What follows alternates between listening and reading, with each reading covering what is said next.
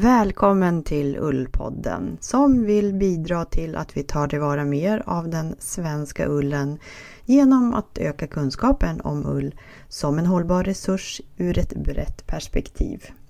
I olika avsnitt så intervjuar vi intressanta personer, bland annat inom får och ullbranschen och vi diskuterar utmaningar och möjligheter. Ullpodden drivs av Ullförmedlingen, en arena för svensk ull och vi som gör podden heter Fia Söderberg och Malin Ögland. Per Åberg är den som har skapat musiken. Varmt välkommen!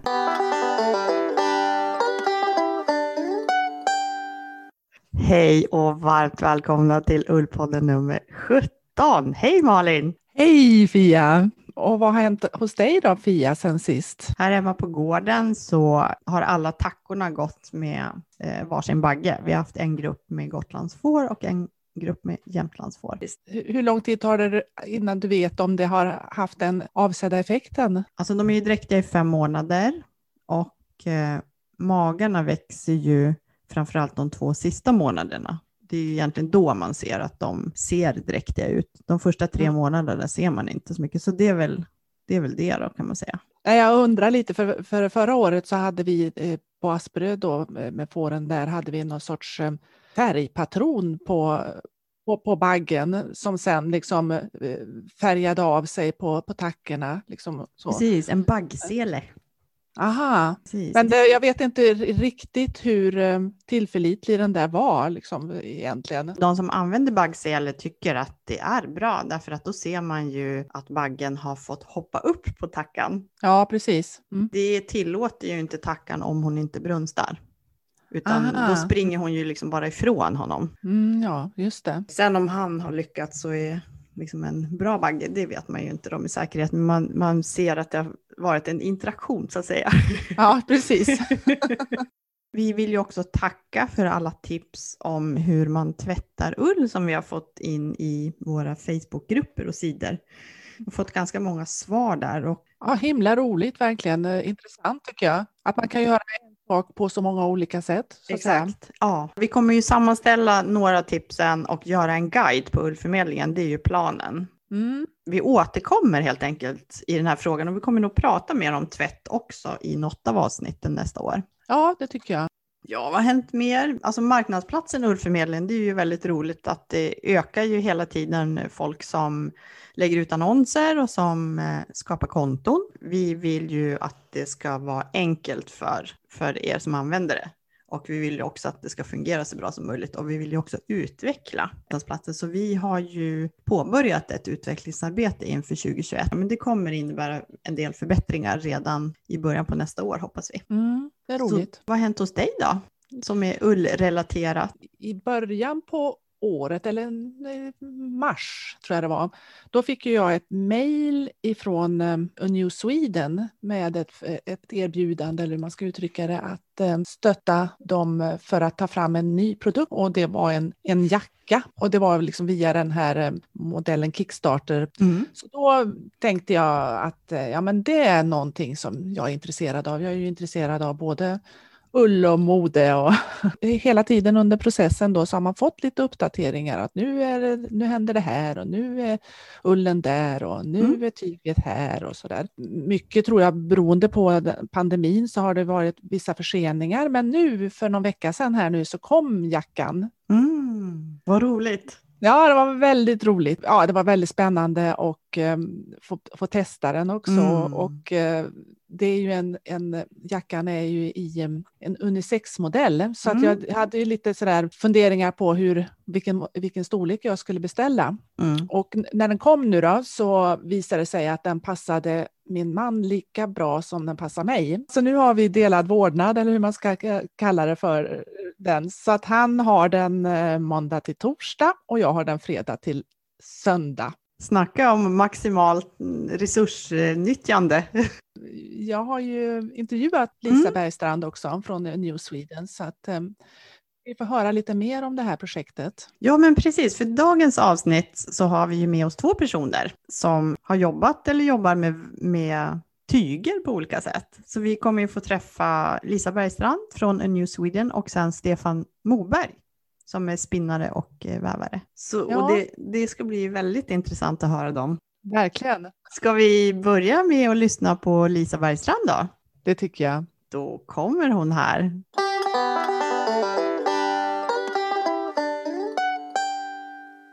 Hej Lisa!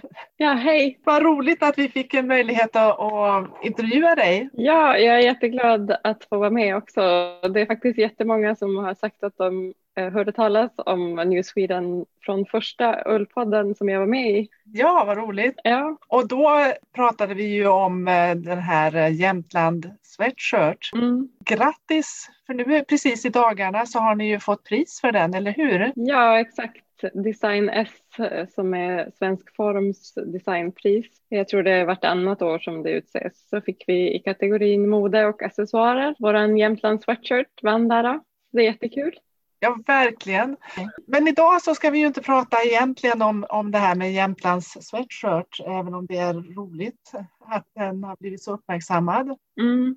Ja, det är tanken att alla plagg som vi tar fram kommer att fortsätta finnas. Så vi gör liksom nya produktioner av samma och så tar vi fram ett nytt plagg varje år. Tanken av olika ullsorter, svenska mm. ullsorter, för att visa vad just den ullen kan användas till. Årets eh, produkt då, eller plagg, det är ju mm. den här Findor All Weather Jacket.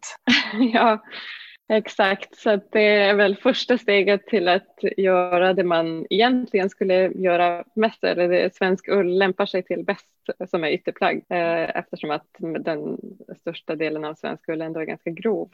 Mm. Så det är då tänkt att vara en jacka som man kan ha i lite olika väder för att man inte ska ha på sig bara plastmaterial. Så att den ska tåla lite vind och lite regn eh, när det regnar mycket. För som det ser ut nu så är det många som klär sig som att de ska upp på Mount Everest bara när de ska cykla till jobbet. Eh, det är lite det som är tanken, att man, det ska finnas ett alternativ till det.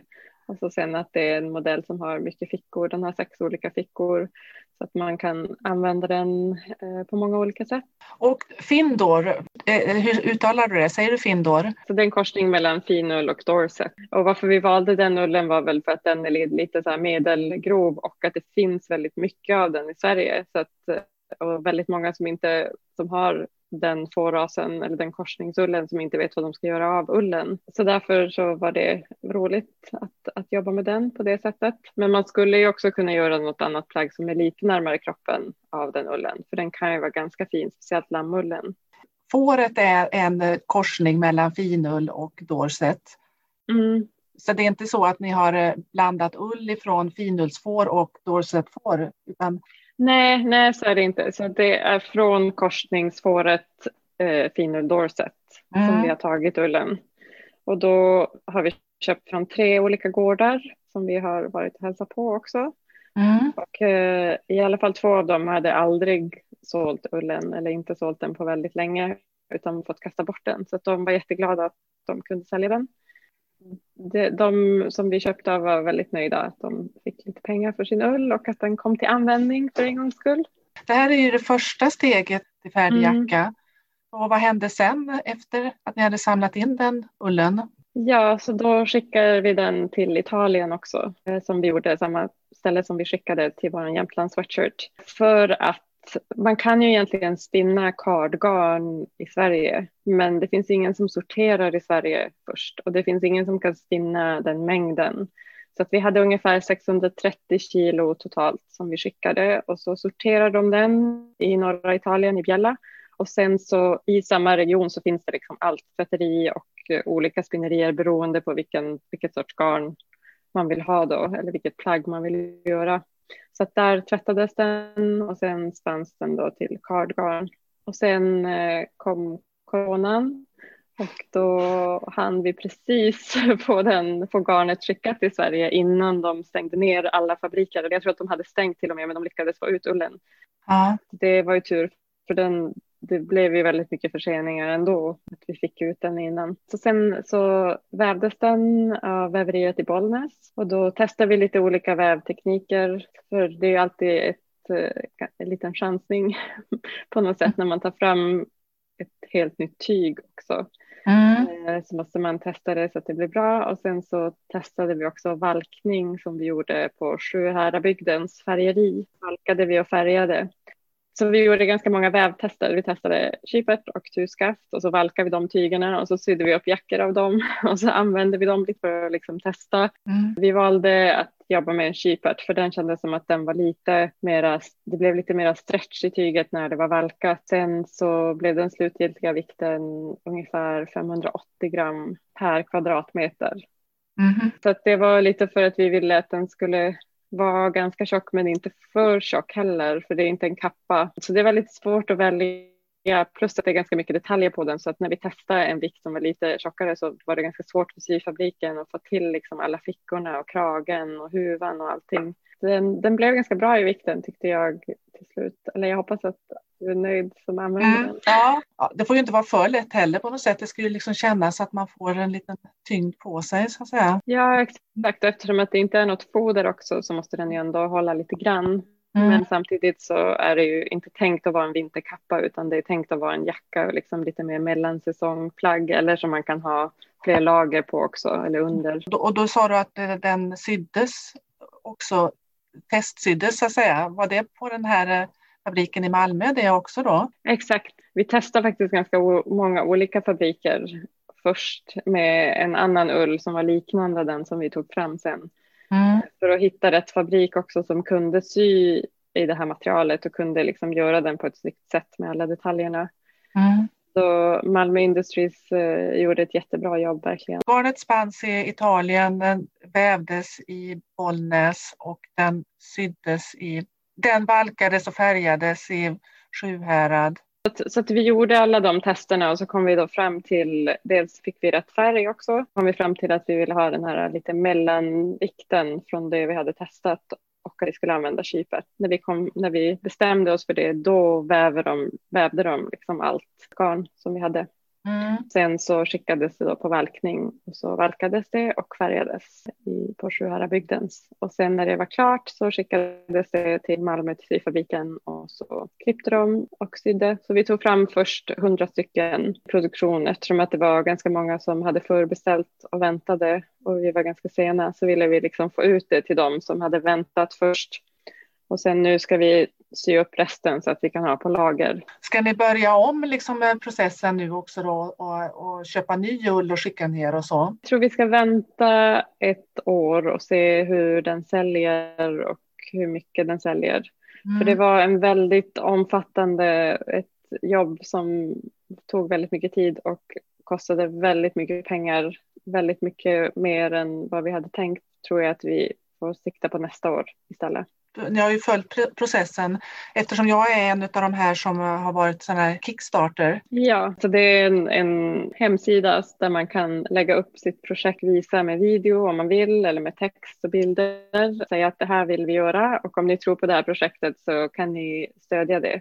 Mm. Så egentligen är det som en förbeställning som kunder kan göra för att stötta ett projekt. Så att vi som la upp projektet kan få in pengar till produktionen i förväg och få in beställningar eh, genom att folk köper plaggen innan de är klara egentligen. Mm. Så det var någonting som vi gjorde redan i februari, just i värsta coronaläget, februari, mars, just när allting stängdes mm. ner, så hade vi igång den kampanjen och det gick jättebra. Så man sätter liksom ett mål, en viss summa som man vill få in. Om man inte får in nog mycket pengar så får alla tillbaka pengarna som har. Mm. Eh, så att vi nådde vårt mål som var jättekul och det hjälpte oss verkligen på vägen, även om vi behövde mycket mer pengar än så.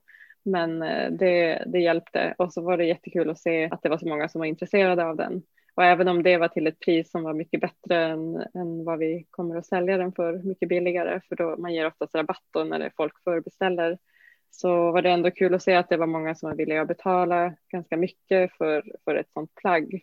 Det är det som är så svårt när man tillverkar lokalt och eh, gör sina egna tyger och har verkligen kontroll på varenda steg i processen. Att det kostar ju väldigt mycket om man ska vara rättvis och mm. betala alla rättvist. Även om inte vi har samma marginaler som andra klädföretag har på plaggen så är det kul om man kan få tillbaka det man har lagt ut i alla fall. Långt ifrån det just nu. å ena sidan ett högt pris eh, för jackan men å andra sidan så om man jämför med det är ju inte dyrt liksom om, om man hör det här med hela processen och allting eh, och mm. rättviseaspekten. Och, och det är ju heller inte dyrt om man jämför med något high fashion plagg så är det ju inte det. Nej, skillnaden är väl att om man köper ett plagg från Louis Vuitton eller Balenciaga eller någonting sånt så köper mm. man ju också varumärket mm. på ett annat sätt. Medan vi, ingen känner till oss. Det är det som är lite skillnaden. Men mm. det är kul att vi ändå har ganska många som följer oss och tycker att det vi gör är jättebra. Mm. Och som, som är villiga att betala för att de vet att de får liksom vara delaktiga i hela processen också. Tycker att det är kul att få följa med och veta att det kommer från de här fårgårdarna det har vävts där och spunnits där. Så. Alltså det är många fina detaljer sa du ju, men du har glömt en av de finaste detaljerna tycker jag, nämligen knapparna. Ja, knapparna, det enda som kommer från Norrbotten där jag kommer ifrån. Renhornsknappar som blev jättefina. Så att eftersom att vi vill att alla plagg ska vara 100% naturliga och 100% komposterbara så, och tillverkade allt material så lokalt som möjligt då, så var det ganska naturligt val med renhornsknappar. Så att mm. renarna tappar ju sina horn varje år och sen samlar samerna upp dem och så säljer de. Så att det var eh, utanför Boden i Norrbotten ett ställe som tillverkade alla knappar åt oss. De blev jättefina. Ja, de blev verkligen jättefina. Du, du sa inledningsvis så sa du ju så här att eh, ni hade skickat eh, ullen till eh, Italien. För att i Italien så har de ju kamgarnsspinnerier och det har vi ju inget i, i Sverige. Mm. Men är det här, den här jackan då, det materialet, är det så, så tjockt garn eller man ska säga så att det skulle kunna funkat i ett eh, kardgarnsspinneriflåt? Ja, det är ett kardgarn för att när man ska valka så vill man ju att fibrerna ska sticka ut ganska mycket så att de hakar i varandra. Kolla lite på möjligheter att spinna det i Sverige, men det, våra spinnerier är ganska små så 630 kilo är ganska mycket för ett spinneri i Sverige. Just det, eh, den här jackan då, den är ju då en eh, unisex-modell. Mm. Och det är du som är designern, eller hur? Exakt. Mm. Vad är det för utmaningar så att säga med att skapa en, ett plagg som, är, som ska funka på både man och, och kvinna? Det är ganska stora utmaningar. Mycket som har dykt upp i efterhand också av kunder som säger hur de tycker att den sitter och så. Mm. Så att mm. egentligen så är det en modell som har en herrpassform men som passar till kvinnor också. Men mm. många, beroende på hur man då ser ut i kroppsformen, så kan den ju vara för liten över höfterna om den sitter bra på axlarna mm. som den är på mig också. Mm. Speciellt nu då jag just har fått barn. Mm. Så, men jag tycker ganska mycket om att ha en mer oversized, alltså att den är lite stor hela vägen. Men det beror på vad man förväntar sig och vad man vill ha. Sen så är ju tyget lite töjbart så att det kan ju forma sig lite grann och den blir ju lite mjukare när man använder den också. Mm. Det är en kommentar som vi har fått så det är väl någonting som vi måste tänka på om man vill göra den i två olika varianter i framtiden så att den ska mm. passa bättre då. Mm. Eh, så det är väl just över höfterna som den kan vara lite liten och att det kan vara lite lång i armarna. Mm. Det är ju ett tyg som är mer stretchy eftersom att det är stickat. Mm. Så att det kanske spelar mindre roll där. Mm. Men någonting som vi har funderat på att göra är byxor och byxor måste man ju göra två olika varianter. Mm. Men kanske att jackan skulle kunna finnas i två olika varianter också. Mm. Det är någonting som skulle komma senare i sådana fall. Ja, du, du nämnde här nu då att det, ni skulle ha ett, ett, ett plagg om året, eller det har ju er ambition har ju varit det från start. Det finns väldigt många idéer ska jag säga. Några plagg som förhoppningsvis kommer att komma är väl byxor då. Eh, någon slags ytterkappa som är ännu tjockare, mycket tjockare än den här. Skulle också vilja göra någonting i fårskinn som man kan garva mm. uppe i Norrbotten skulle vara kul att göra någonting sånt. Kanske något annat tunnare plagg av en fin ull också. Så man kan ha närmare kroppen. Ja, spännande. Det är lite hemligt än. Ja, jag förstår det. Men det finns väldigt många idéer i alla fall. Det finns, det bara saknas lite pengar och har saknats lite tid ibland också att hinna med. Det blev ju försenat med några månader, tre månader mm. eller någonting sånt va? Och samma med våran sweatshirt är också försenad så den eh, kommer att bli klar om, så att den skulle ju också ha varit klar i augusti egentligen.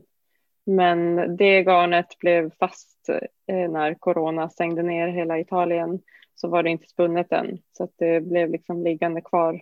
Men, men det är inte så mycket att göra åt. Jag tycker att alla våra kunder har varit väldigt förstående också. Sen blir det ju varje steg, om det är någon på fabriken som är sjuk så måste de stanna hemma och så kanske de måste stänga ner om det är flera som blir sjuka. Så att det är ju, allting tar mycket längre tid. Så. Hinner ni verkligen med något, något nytt plagg under 2021?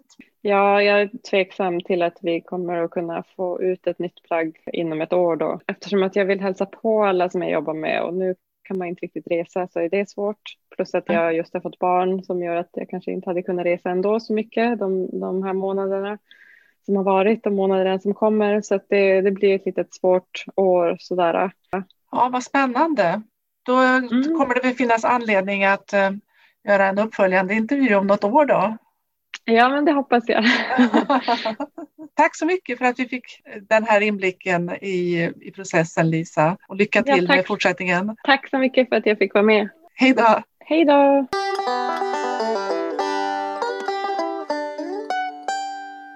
Ja, det var ju jätteroligt att höra hennes andra resa för ett eh, nytt plagg av svensk ull. Vi hade ju med henne i podden eh, december 2018 tror jag det var, mm. om jag minns rätt. Och det är ju fantastiskt kul att hon har fått eh, pris nu för eh, Jämtland sweatshirt som är gjord av supermjuk Jämtlandsull. Också det här att, att de funderar liksom på, på designen och sånt och gör vissa justeringar efter feedback från användare och så tycker jag också är kul.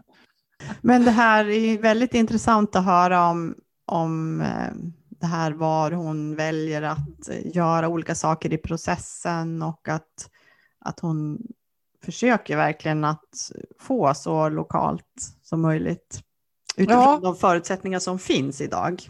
Och jag tycker också att det är liksom intressant att hon lyfter de här funktionerna liksom runt omkring. Alltså att, att man, man blir verkligen varse alla steg i, i processen som mm. behövs från, mm.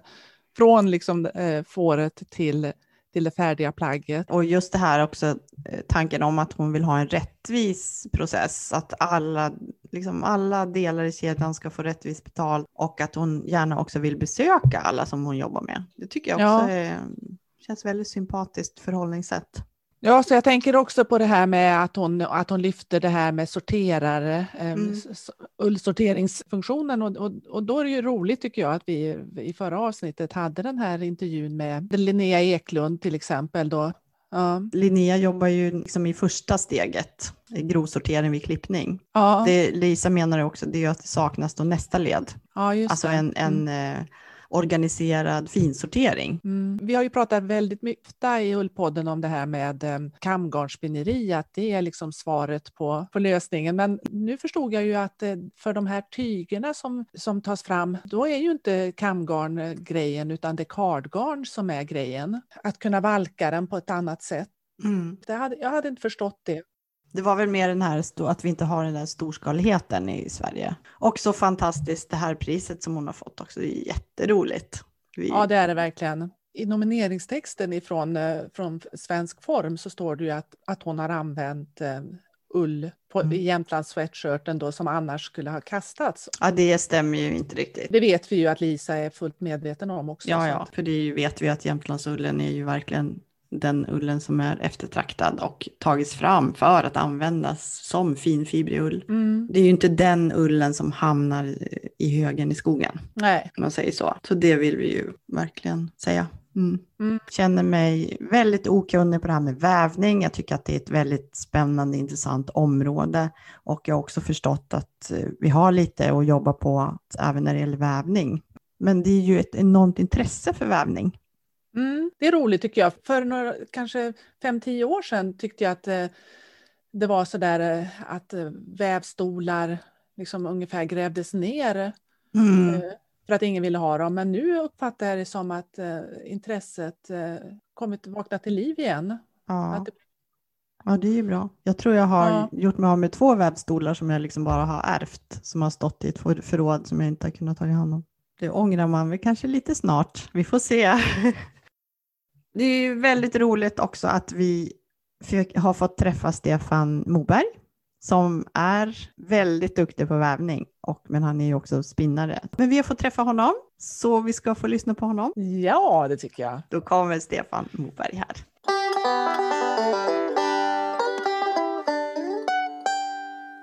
Hej och välkommen Stefan Moberg. Hej, tack så mycket. Vad roligt att du är med i Ullpodden. Berätta, Vem, vem, är du? Jag är en eh, handvävare och en spinnare som bor strax utanför Stockholm där jag väver ganska mycket för egen del men undervisar också väldigt mycket. Jag håller mycket kurser i, både inom vävning och spinning eh, runt om i hela landet egentligen. Har du alltid varit intresserad av, av eh, spinning och eh, hantverket? Så? Jag växte upp i en familj där jag hade väldigt mycket textilt hantverk runt omkring mig. Min mamma och moster och mormor jobbade på det som nu är Järbo Garn och som på den tiden var Järbo Yllefabrik. Jaha. De var ju ett, det var ju en väldigt stor verksamhet en gång i tiden. Okay. Jag tror att de hade omkring 300 anställda på 50-talet. Både mamma vävde hemma och mormor också. Mormor hade till och med en, en vävstol som hon hade ritat själv och låtit bygga. Vi ska prata om ett projekt som du ja. har jobbat med. För du fick ju under, alltså under 2020 så har du fått stöd ifrån Nämnden för hemslöjdsfrågor för att undersöka förutsättningarna för ett tweedgarn spunnen av svensk ull och för att kunna väva då ett mm. svenskt mm. tweedtyg. Om vi, om vi börjar där, Eh, för mig som inte kan så mycket om vävning och det här, vad, vad är tweed? Eller vad menar du när du pratar om tweed? Den, den närmsta man kan komma sanningen är att säga att tweed är väl en familj av textilier okay. snarare än ett specifikt tyg. Okay. Um, det är ju ett, ett uh, tyg, det är ju ett ylletyg liksom. Mm.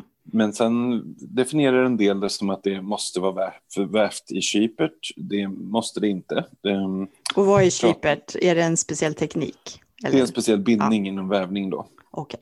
Det är inte säkert att det måste vara det. Tittar man på, frågar man skottar till exempel så säger de att skotsk tweed vävs med fyra skaft och det är kypert då. Medan irländsk tweed vävs med två skaft och då blir det tuskaft. Det är en helt annan bindning. Alltså det finns skotsk tweed, irländsk tweed. Finns det många liksom olika lokala tweedtyger då?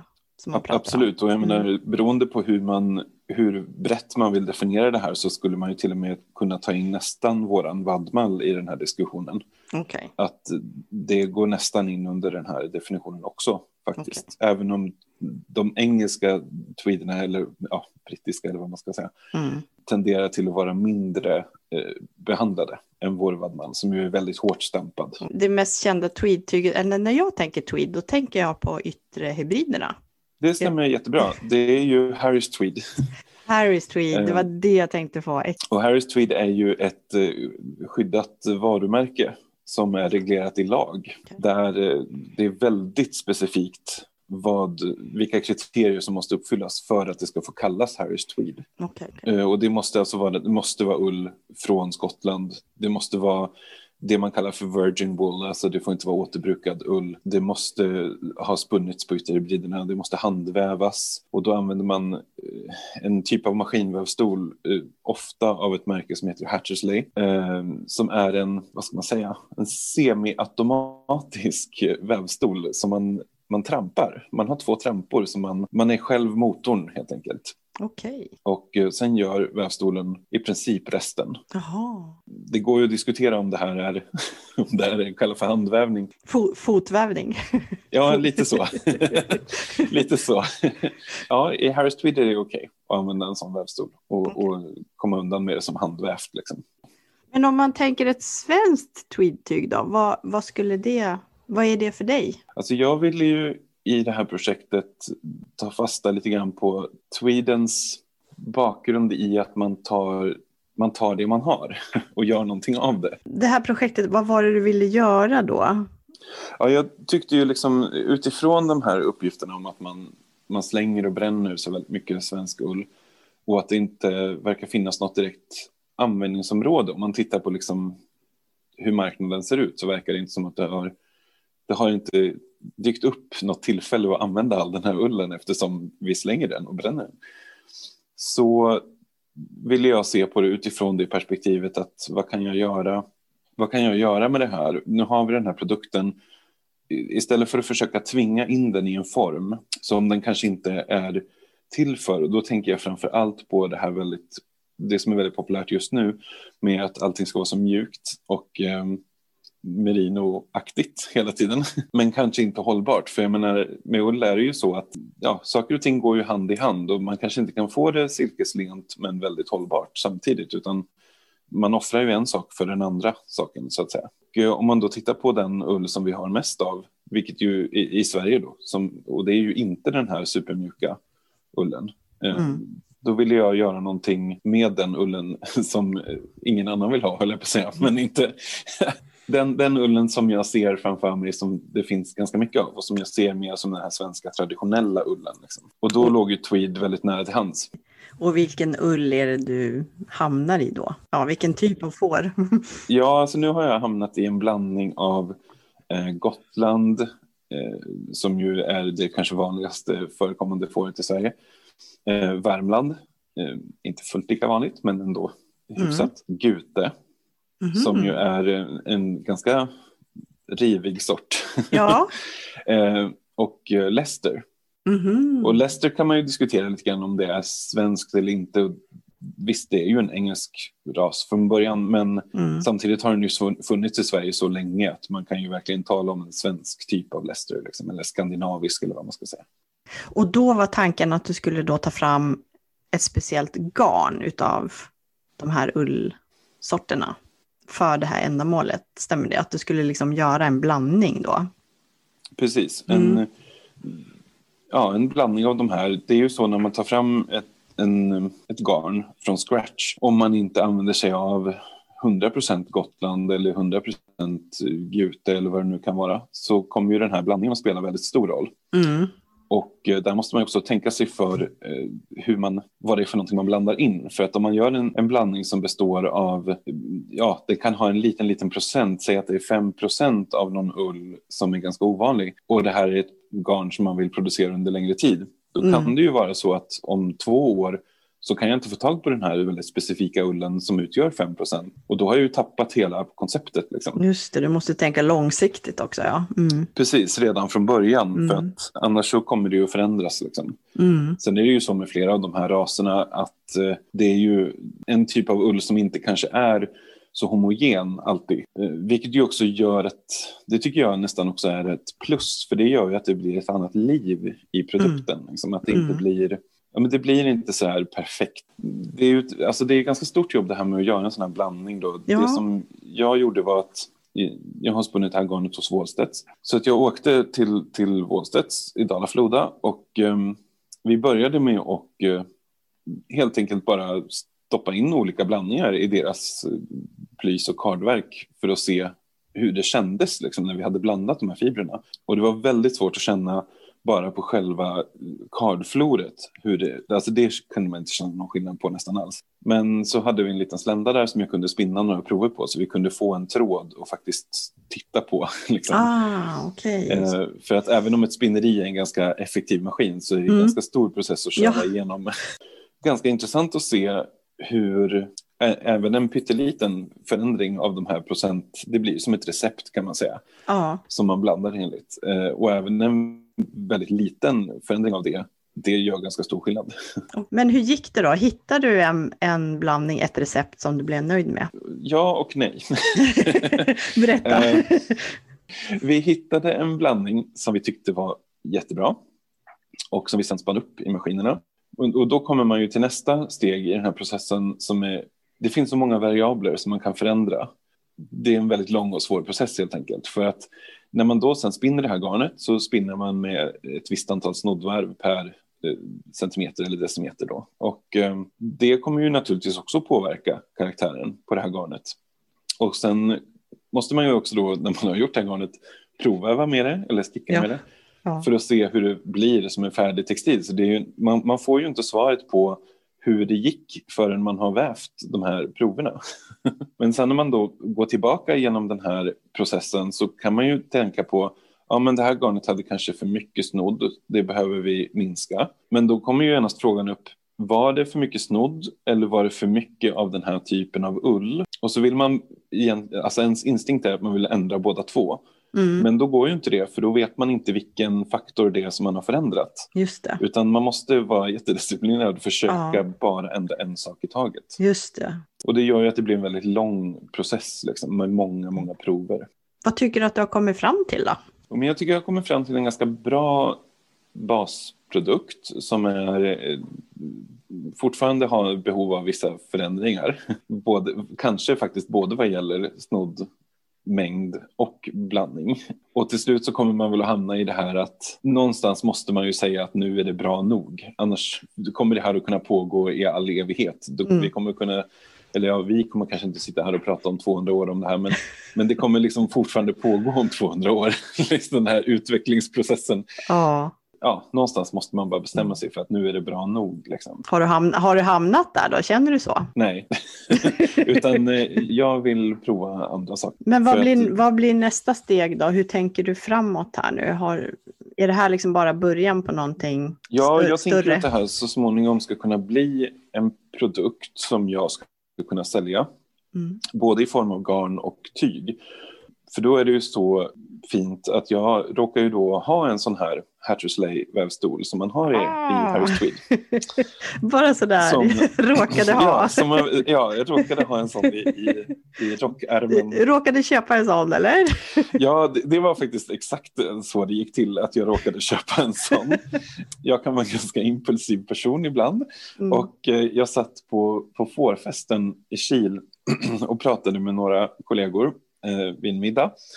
Och då hade jag bestämt lite grann att jag ville satsa på att väva tweed-tyger. Liksom. Och eh, då vävde jag allting för hand, eh, helt och hållet. Liksom. Och det kan vara ganska långsamt, även om det, man får ju upp en viss hastighet. Liksom. Men, men det går ju inte att jämföra med en, med en maskin. Men så jag satt och funderade, tänkte lite högt där på den här middagen och, och sa väl att det måste ju finnas något sätt att göra det här snabbare på. Och så hör jag mig själv säga att kan man inte bara liksom köpa en sån här Hatterslave-stol från ytterhybriderna? ja, visst kan man det. Ja, det, ja det, det, kan man. Det var ju kanske inte helt genomtänkt då. Jag hade faktiskt ingenstans att göra av den när jag köpte den, utan den Oj. fick stå i en lada hos en kompis i en jättestor låda som den kom åkandes i. Den är, alltså vävbredden, den kan väva 84 centimeter brett och den är helt i gjutjärn. Oj. Den kom då åkandes i en stor låda isärplockad. Och mm. eh, det finns ju inte så mycket, ja det finns en manual för eh, Harris Tweed-vävare.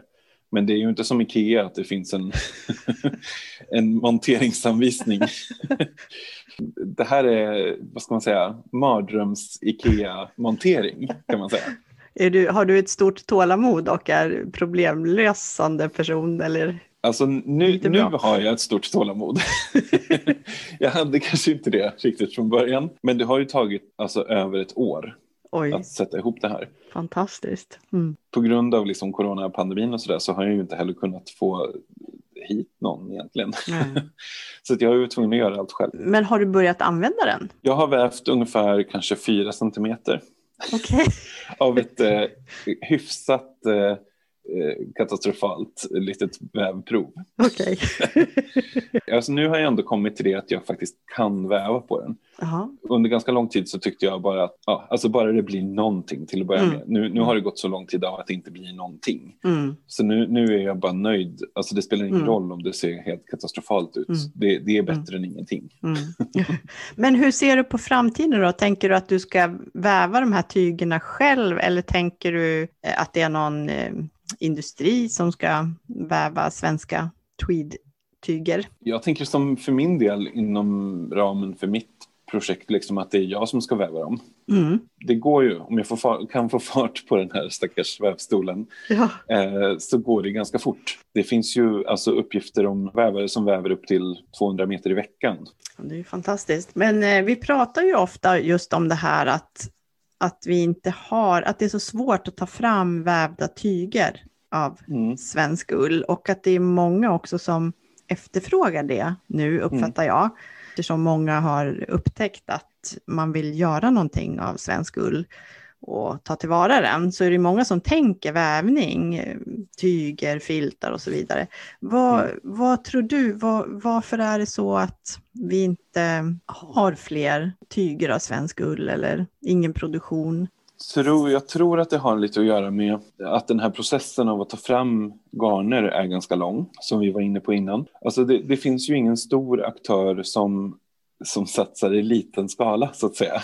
Nej. och problemet är ju just nu att vi, vi, har inte, vi har inte en marknad med plats för enorma jätteprojekt med hur mycket pengar som helst inblandat utan det kommer att bli i mindre skala hur mm. vi än gör. Och um, ja, jag vet inte, jag tänker också att alla de här handvävarna skulle ju kunna få mycket mera utrymme i att prova sådana här saker. Men det vill ju till då att det finns någonting att prova, så att säga. För vävning i sig är väl ett ganska stort intresse i Sverige. Det finns många eh, personer som Ja, det, det som verkar väver. vara på, uppåt, på uppåtgående faktiskt. Ja. Det verkar vara så att um, folk blir mer och mer intresserade, speciellt med tanke på de här väldigt små och smidiga vävstolarna som har kommit mm. nu. Liksom. Vad, vad, tror du om tio år? Hur ser det ut då med svenska tyger och svensk tweed och svensk vävning? Vad har du för vision eller målbild? Jag tänker att mitt tyg i alla fall finns om tio ja. år. Men sen, eh, eller det hoppas jag att det gör, annars så vet jag inte, då, då ger jag upp. Om det inte finns om tio år, det, det då, får här, då får Hertie åka, åka tillbaka hem igen. Ja, lite grann. Då packar vi ner henne i en låda och skickar hem henne, tror jag. Ja. Det som vi ser nu är ju en, en, utveckling som verkar gå åt ett ökat intresse för den här produkten. Mm. Och eh, också en ökad medvetenhet kring användandet av textila material och eh, miljöpåverkan och sådana saker. Mm. Jag tror att det kommer att leda till att vi kommer att se lite, lite ett återskapande av den svenska textilindustrin som ju ändå har försvunnit till ganska stor del. Jag menar, vi har ju haft eh, ganska många, alltså på, på till och med väldigt små ställen har det ju funnits mm. ganska stora spinnerier och väverier. Och, och, det är ju bara borta nu. Mm. Det finns ju ingenting. Men det finns några väverier i Sverige va? Har du koll ja, på? Några, mm. några stycken finns stycken. det. Mm. Uh, ja, inte så många som, alltså många av dem gör ju lite, har ju väldigt specifika typer av vävnader de gör. De gör mattor uh, och bildvävar och sådana här saker.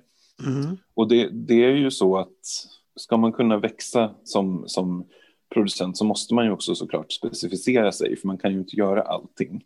Många av de problem som vi pratar om och som, ofta, som det oftast pratas om i de här sammanhangen. Eh, jag tror mycket av nyckeln är att man måste tänka på, på, man måste tänka på resursen eller ullen då utifrån vad vi har, mm. inte vad vi skulle kunna ha. Mm. Och, och, vad vi skulle vilja ha. Utan mm. det är ju lite grann, alltså man kan ju drömma sig bort om att jag skulle vilja ha merino, liksom, ja. om man ja. nu vill ha det. Jag är, inte, jag är själv inte så jätteintresserad av den. Nu har vi ju inte det. Och vi har ju Jämtland och sådär och absolut, vi, vi har ju sån typ av ull. Mm. Men inte i så gigantiska mängder. Eh, utan det vi har mest av är ju den här lite grövre typen av ull, om man säger mm. så. Lite mer rustik. Jo, men det låter ju jättespännande om man kan ta tillvara Gotlandsullen mycket mera. Och mm. även guteullen också. För där vet jag ju må många som har gutefår som kanske inte klipper sina får eller förädlar ullen. Och de släpper ju sin ull också. Och där ja. klipp, klipper man kanske oftast en gång per år. Ja men precis, och jag tror som, alltså gute är ju en sån, det är ju någonting jag har tagit tillvara på i det här projektet och tryckt ganska mycket på i min marknadsföring av den här, det här projektet. Då. Mm. Mm. Att just guteullen är ju ganska unik. Det, det, vi, har, vi har någonting som inte finns på andra ställen. Just det. Det finns ju två sidor av allting. Det kan man ju se som att då, fy, har ni den där ullen? Mm. och oh, wow, har ni den där ullen? det ja. finns ju två olika, ja, två olika ingångar där. Ja, men alltså, jag tror att all ull går att använda till någonting. Sen är det bara mm. frågan om vad. Eh, fråga bara om guteullen. Vad tycker du att den har bidragit med till ditt projekt och ditt garn här som du har testat? Vad, vad är det för egenskaper hos den som, som passar till vävningen? Liksom? Jag tycker att den bidrar med eh, styrka. Eh, den bidrar med eh, en lite, vad ska man säga, inte, inte rivig och, och inte liksom stickig, men vad ska man kalla det för? En lite gammaldags kvalitet kan vi kanske okay. kalla det för. Okay. Alltså när jag, tänk, när jag tänker på tweed så tänker jag tänker mycket 50-60-tal. Och så tänker jag på en tid när tyger producerades för att de skulle hålla i en evighet. Och det är det som guteullen kan ge. Det kan, den kan bidra till den här hållbarheten Jag vill inte göra ett tyg som går sönder efter att man har haft plagget på sig fyra gånger. Det ska hålla, alltså, det ska hålla jättelänge. Det är liksom målet och mm. eh, man måste vända sig till den typen av ull. Helt mm. enkelt. Ja, intressant. Ser, ser du något särskilt plagg som de här tygerna ska användas till? Har du... Jag tänker mycket på, på, på kostymer och jackor. Eh, jag jobbar en del tillsammans med en skräddare som heter Carolina Zetterberg som eh, har sytt en del i mina tyger jag tänker mig ju liksom ett, ett sånt typ av plagg, inte ja. ett, ett plagg in på kroppen. Det blir väldigt mycket, mm. jag tror att det blir för mycket peeling. Finns det någonting som du har eh, blivit förvånad över, alltså överraskad över i projektet? Jag har nog blivit överraskad över allt engagemang som, jag, som har varit runt det här. Det är väldigt många som är intresserade av det här och många frågar och vill veta mer och eh, nästan att de vill liksom vara med. Eh, det är ju jätteroligt och, ja. och, även att det här eh, intresset kommer från flera håll. Det är inte bara från andra textiler utan det kommer även från fårägare och från eh, ja, men alla möjliga håll. Mm. Liksom. Mm. Så det är jättekul att se att det finns en vilja framåt. Liksom. Vi har ju ett väldigt speciellt år 2020 med den här pandemin. Hur har den påverkat ditt projekt? Den har påverkat mitt projekt ganska mycket. Från början så var det meningen att jag inom ramen för projektet skulle åka till Yttre Hebriderna för att träffa vävare och spinnare och diskutera ullkvaliteter och eh, garntillverkning i största allmänhet och, eh, och samla in en massa information om det här. Och det fick ju strykas ganska tidigt eftersom det helt enkelt inte gick. Mm. Liksom. Mm. Så vi fick ställa om då eh, det hela projektet och, och, tänka vad kan jag göra? Vad kan jag göra här hemma? Liksom. Mm. Sen fick jag corona själv faktiskt i påskas. Eh, och hade det och eh, var sjuk i jag tror fyra och en halv vecka ungefär. Jag var hemma och var dålig liksom, men, men jag var aldrig så dålig så jag behövde åka någonstans. Det var ju skönt. Ja. Men det var en väldigt segdragen historia. Jag har inte kunnat resa så mycket som jag kanske hade velat till Wallstedt och prata med dem och titta på saker och testa grejer. Och mm. Allting har begränsats ganska mycket. Men sen är det klart att det har öppnats nya dörrar då som att göra mycket saker online och, och väldigt mycket online-möten och posta lite saker fram och tillbaka. Avslutningsvis, är det något som du vill skicka med till Ullpoddens lyssnare? Jag tror mycket på det här med att tänka på, på vad vi har och inte vad vi skulle kunna ha. Att, att utgå från att nu har jag framför mig så har jag den här ullen. Mm. Vad, vad vill den här ullen? Vad mm. vill materialet för någonting? Mm. Det tycker jag är det viktigaste. Den, den mm. frågan måste man liksom hela tiden mm. ställa. Snarare än vad kan jag tvinga det här materialet att göra? Ah, vad fint. Fråga ullen. Ja, så, det svara, jag. så svarar den. I bästa fall. ja, det var en fin, fin avslutning. Men eh, då tackar jag dig, Stefan Moberg, för att du ville vara med i Ullpodden. Vi är jätteglada för det. Tack så mycket för att jag fick vara med. Ja, och lycka till med allting och ditt svenska tweed-tyg. Ja, tack så mycket. Tack ska du ha. Tack så mycket. Hej då. Hej, hej.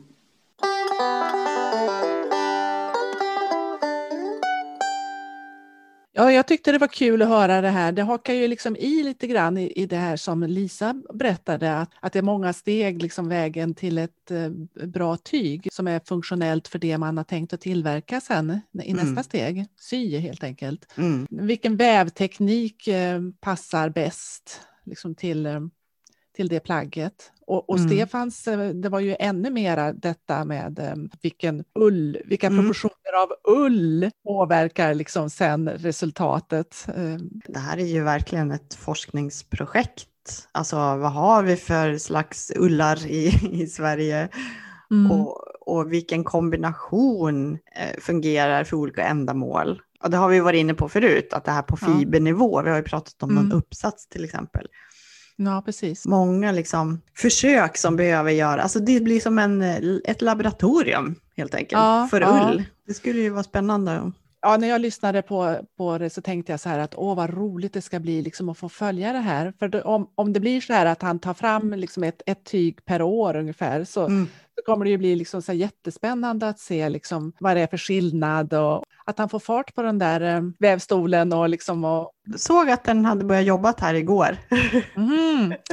så det, det ska nog gå. Det var ju imponerande också att hur mycket man kan producera ändå. Ja. ja, det är ju fantastiskt att vi har en sån där vävstol i Sverige som fungerar snart på, som Ja. den ska. Så vi får nog höra mer om detta i framtiden. Det måste vi absolut. Ja. Vi har ju kortat ner de här intervjuerna lite grann för att båda skulle få plats i det här avsnittet. Men då har vi ju eh, löst det på ett annat sätt, Malin. De hela intervjuerna de ligger ju på, på den sidan som ni som är Patreons till oss kan hitta dem då i, i fullversion så att säga. Ja, precis. Så att man får en liten, liten extra julklapp där som Patreon, att man kan höra på de här intervjuerna eh, som är lite längre då i Patreon. Så vill du lyssna på hela intervjuerna så bli gärna Patreon om du vill. Patreon.com ullformedlingen. Man kan googla också.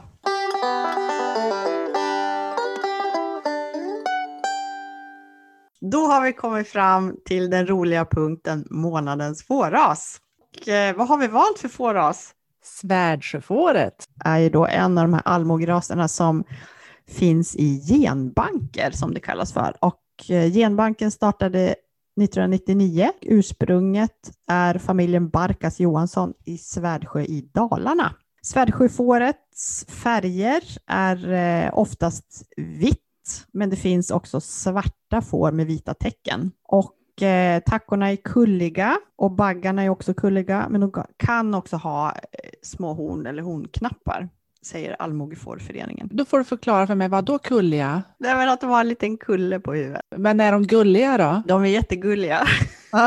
det är ett ganska litet får. Eh, Svärdsjöfåret väger mellan 40 till 60 väger tackorna och baggarna 50 till 70 kilo. Vanligtvis så får de ett till två lamm, men eh, det förekommer också att de får tre lamm. Och de brunstar året runt, Oj då! men vanligtvis så är det på sensommaren och hösten.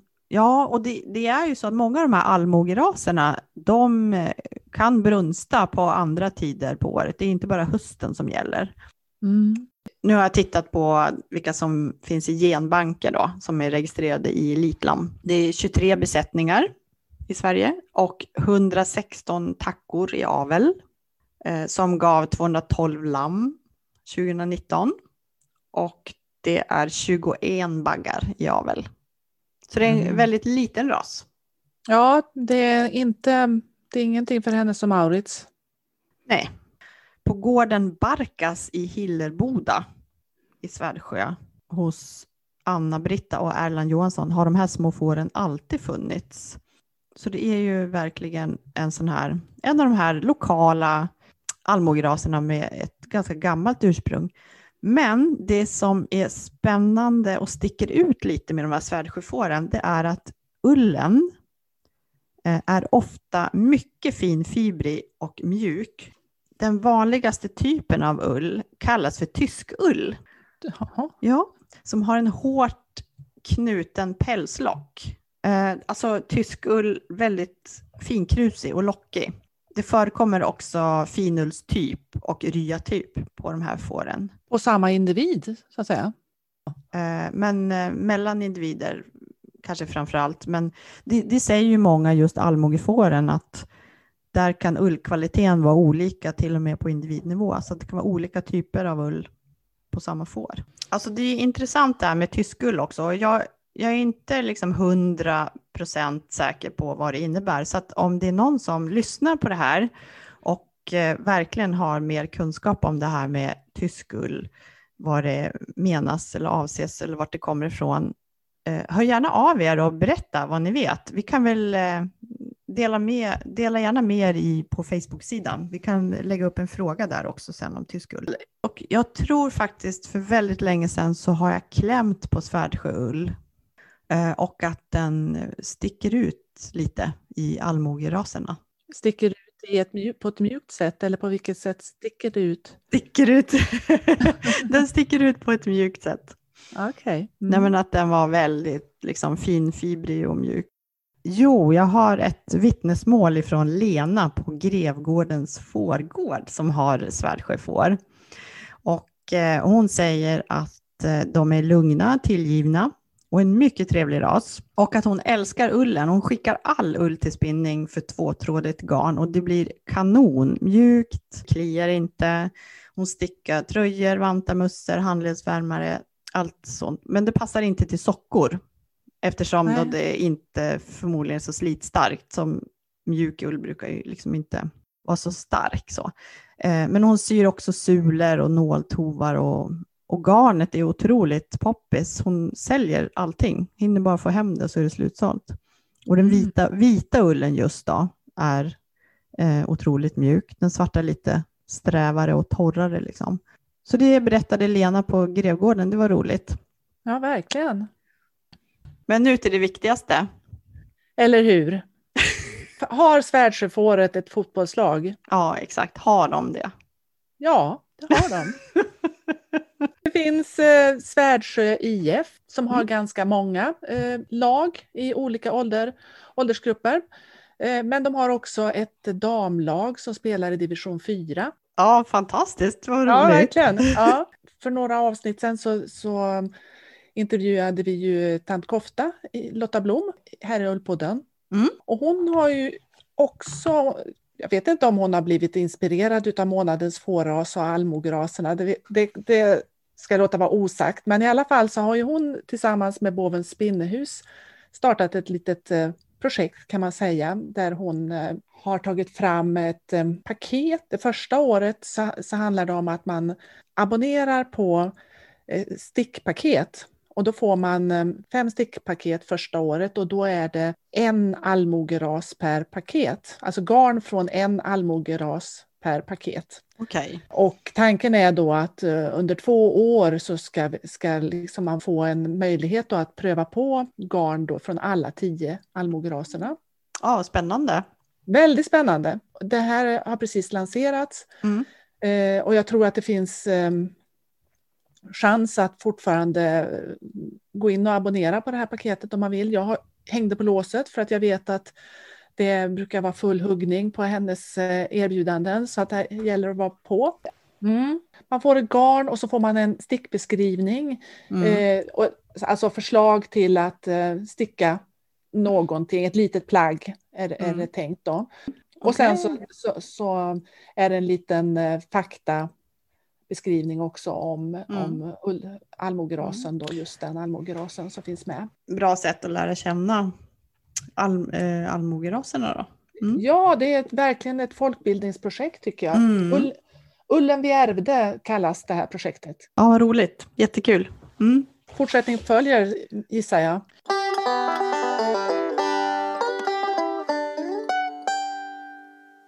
Som vi brukar påpeka här i Ullpodden är ju att vi inte bara är ull och får intresserade utan vi är ju också bibliotekarier båda två. Mm. Ja. Ja, var, ja, precis. Ja, men vi gillar ju böcker. Ja, vi gillar böcker helt enkelt. Eh, så är det ju. Och därför vill vi ju eh, dela med oss av några boktips så här inför jul. Mm. För då kanske ni har lite mer tid för läsning. Och vissa böcker kan man ju köpa via oss så får vi några kronor i provision utan att det kostar mer för dig som kund. Mm. ska vi också säga. Så att vi har länkar som man ska klicka på då om man vill göra på det här sättet och då hittar man de länkarna på Ullförmedlingens hemsida. Men vi lägger också ut dem i våra Facebookgrupper och sidor så de kommer dyka upp lite här och var. Så då kan man handla till exempel på Bokus eller Adlibris om man vill. Ja, jag har några liksom, teman. Eh, Mm. Och det första temat som jag tänkte att jag skulle eh, nämna då, det är några sådana som kombinerar det här intresset av att eh, hantverka och böcker. Vill börja med att eh, tipsa om Anna Bauers två böcker. De heter eh, Hönsestrick, A Love Story och Hönsestrick Forever. Ja, jag tycker de här är helt fantastiska, jätteroliga böcker verkligen. Eh, och det, hönsestrick då, det är ju ett, ett em, begrepp eh, från em, 70-talet, från Danmark, som kort sagt då handlar om att man, man stickar på sitt eget sätt. Man gör sitt eget mönster.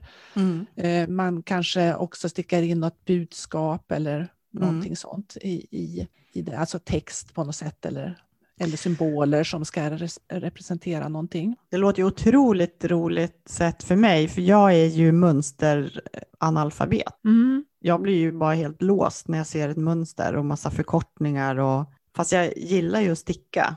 Eh, och, och i den här, em, Hönsestycke Love Story, där är det ju så att eh, det, det, är liksom anvisningar då för till exempel en kofta, då, hur, man, mm. hur man mm. gör. Alltså eh, mät så här, gör si och så och lägg upp och testa och så där. Och sen så, och, och, och, så liksom när du, du, får, du behöver göra så här och där behöver du ta in och så vidare. Alltså det är liksom sådana här grundläggande tips på hur man liksom får själva koftan till att bli en kofta till exempel. Då. Mm. Och sen så är det ju då eh, fullt med ett, ett, ett mönsterbibliotek då med alltså tips på alltså mönster i, i, i form av eh, eh, dekoration då, eller man ska mm. säga. Liksom så här.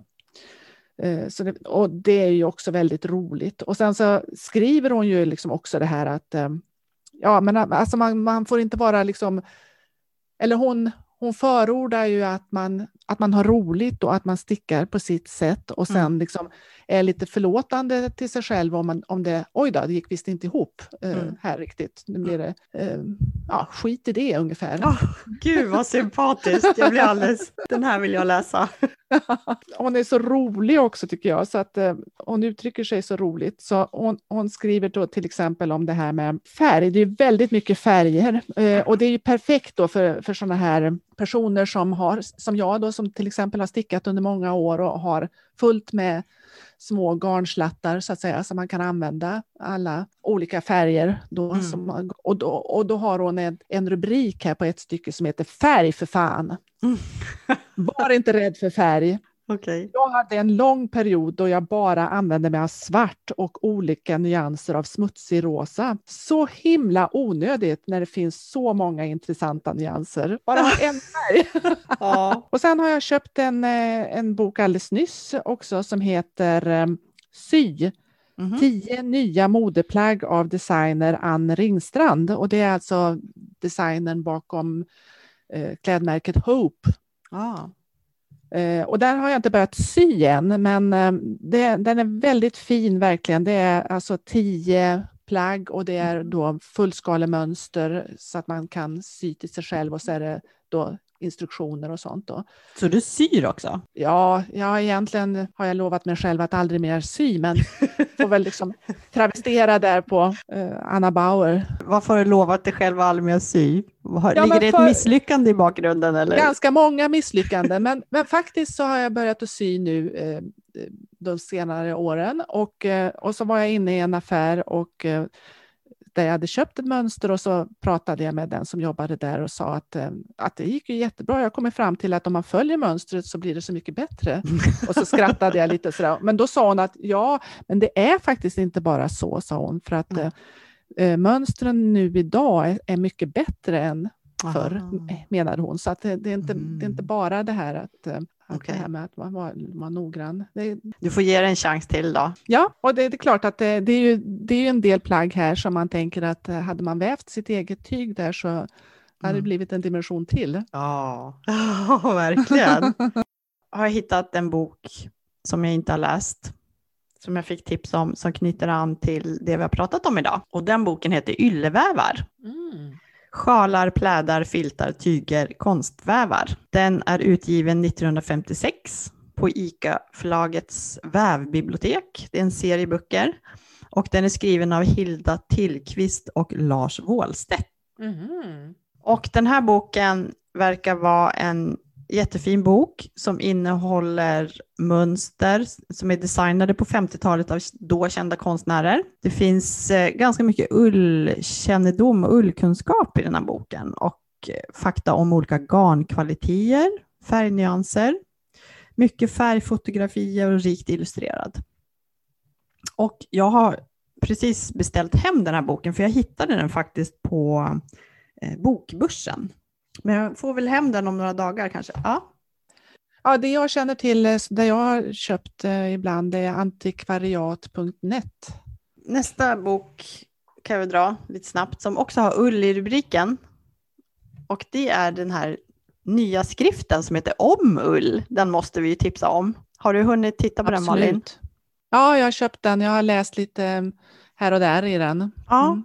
det är ju en, en skrift kan man väl säga kanske snarare, det är ingen inbunden bok, det är ett ganska litet häfte Men väldigt eh, fin komprimerad innehåll om väldigt många olika aspekter av ull och även eh, lite om fåraser, om olika ulltyper och eh, även lite mönster på Mm. sticka mössa, sticka sockar, olika, alltså visste du att om ullens egenskaper. Den är ju väldigt så här lättillgänglig och härlig tycker jag.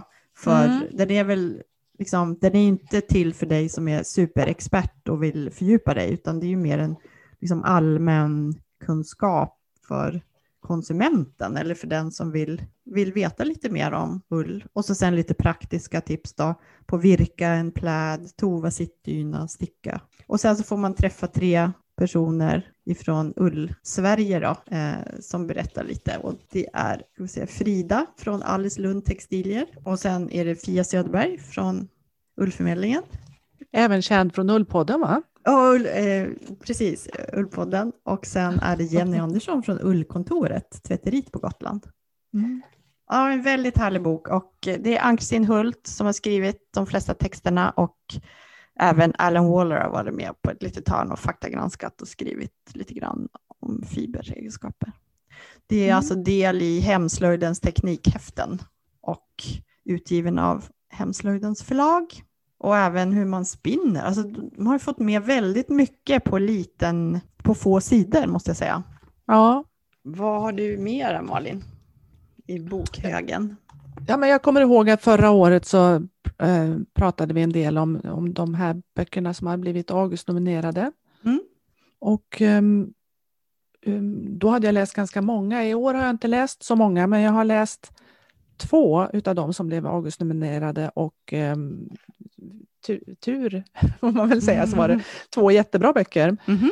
Och, och först vill jag tipsa om den som också vann skönlitterära klassen och det är, det är eh, Samlade verk utav Lydia Sandgren. Okej. Den har jag inte läst. Vad handlar den om? Det är en berättelse som eh, utspelar sig dels i början på 80-talet i Göteborg och sedan eh, i nutid också i Göteborg delvis. Mhm. Och sen så är det lite grann att det, eh, det handlar om eh, tre vänner kan man säga då som, eh, och så, så får man följa liksom deras öden eller hur man nu ska uttrycka det. Mm. Det går, jag kan inte berätta så mycket för att eh, då Mhm. avslöjar jag ju mycket, Mhm. men det är för mig som eh, bodde i Göteborg på början på 80-talet och också pluggade då på universitetet så var det ju helt otroligt för att det var Först när jag började läsa så tänkte jag att det här måste vara en kursare till mig som har skrivit det här. Det var liksom så, sådana detaljer som som jag liksom kände igen.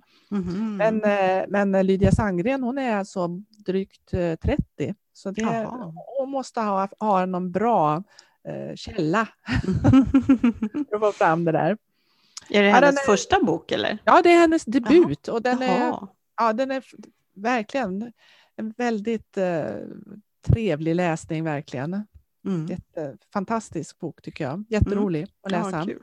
Nästa bok som jag också skulle vilja, eh, som jag läst också utav de Augustnominerade, det är Annika Norlins bok. Mm. Eh, Det är en eh, novellsamling. Annika Norlin, hon är låtskrivare egentligen va? Ja, precis. Det är hon Mm. som eh, bland annat uppträder under Jag ser allt du gör, Mm. heter den. Okej. Ja, det, är ett an, det är ett antal eh, noveller ehm, och jag hade hört att den var, att den var rolig. Eh, och det, då blev jag lite förvånad när jag läste för jag tyckte att eh, det var ganska sorgligt, ganska saktmodiga berättelser kan man säga. Eh, men, men någon novell är fruktansvärt rolig. Mhm. Man kan väl säga att det här är en, en, eh, en bok som innehåller allt, tycker jag. Okej. Ja, Mm. då blir man ju trevligt. lite nyfiken. Ja, trevligt med novellformat också tycker jag. Liksom det här att man kan läsa en berättelse eh, på en, mer eller mindre på en kväll och eh, liksom har en färdig historia. Till skillnad då från samlade verk som är då över 600 sidor tror jag, så det är ju en, en större satsning. Liksom. Den här boken har så himla mycket. Den svenska fårskötselns äldre historia. Det är ju alltså en kortversion av en avhandling, eh, Ull och Ylle av Sven T. Kjellberg. Det är liksom det standardverket som finns i Sverige om, om ull och eh, historien. Och när jag läser den här boken så känner jag att, att jag skulle vilja liksom ta kapitel för kapitel och gå igenom den, framförallt ull, ullens historia här i podden. För att mm. det börjar ju liksom på 1500-talet med Gustav Vasa och hans insatser för att mobilisera ullindustrin för att få fram mycket ull för att kunna skapa bra kläder för män i krig. Mm. Och då var ju ullen livsviktig, det är, det är den ju även idag på olika sätt. Och sen hur staten då har stöttat olika säterier och hur olika aktörer har varit drivande i, i ullens organisering. Till exempel Jonas Alströmer, på han med potatisen, mm. eh, som importerade merinofår till exempel. Men han var ju superentreprenör, ullentreprenör. Och det mm. finns ju så mycket spännande i den här boken. Mm. Den är så rolig att läsa. Vi som har pratat mycket om allmogefåren i podden, här mm. finns det ju ganska mycket just om allmogens fårhållning då. Hur man mm. tvättade ullen, hur, man, hur ofta man klippte och sen är det lite ålderdomligt språk i. Ja, det är en fantastisk liten bok. Mm. Och den finns, såg jag på Bokus, den svenska fårskötselns äldre historia. Det är Kungliga Skogs och Lantbruksakademin som har för några år sedan gett ut ett, en kort version då av avhandlingen. Mm. Jag återkommer alltid till den där. Ni, ni, får ha överseende med om ni har hört mig prata om den förut, men vi kanske har nya lyssnare som aldrig har hört det, så jag vill ändå skicka med det. Kul. Det här är också en bok som jag inte har tittat i förut. Det är ingen ny bok. Men, och jag vet att du har nämnt den i podden för länge, länge sedan. Den här, Kulturkoftor. Mm.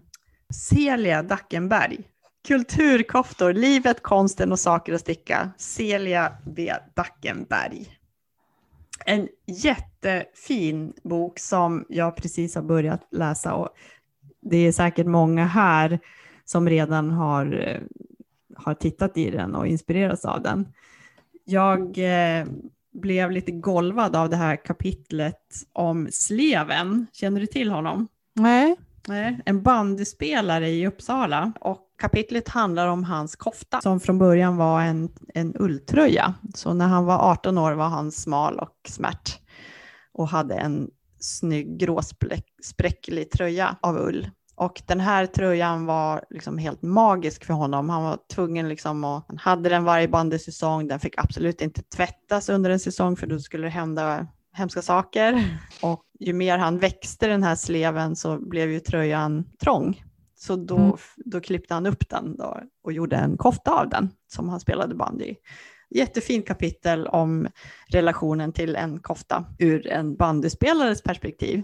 Och mm. Eh, den här koftan finns på Upplandsmuseet. Mm. Ja, så var det lite, lite tragiskt för att han, han dog bara 51 år gammal. Un, under en bandymatch på läktaren fick han en hjärtinfarkt.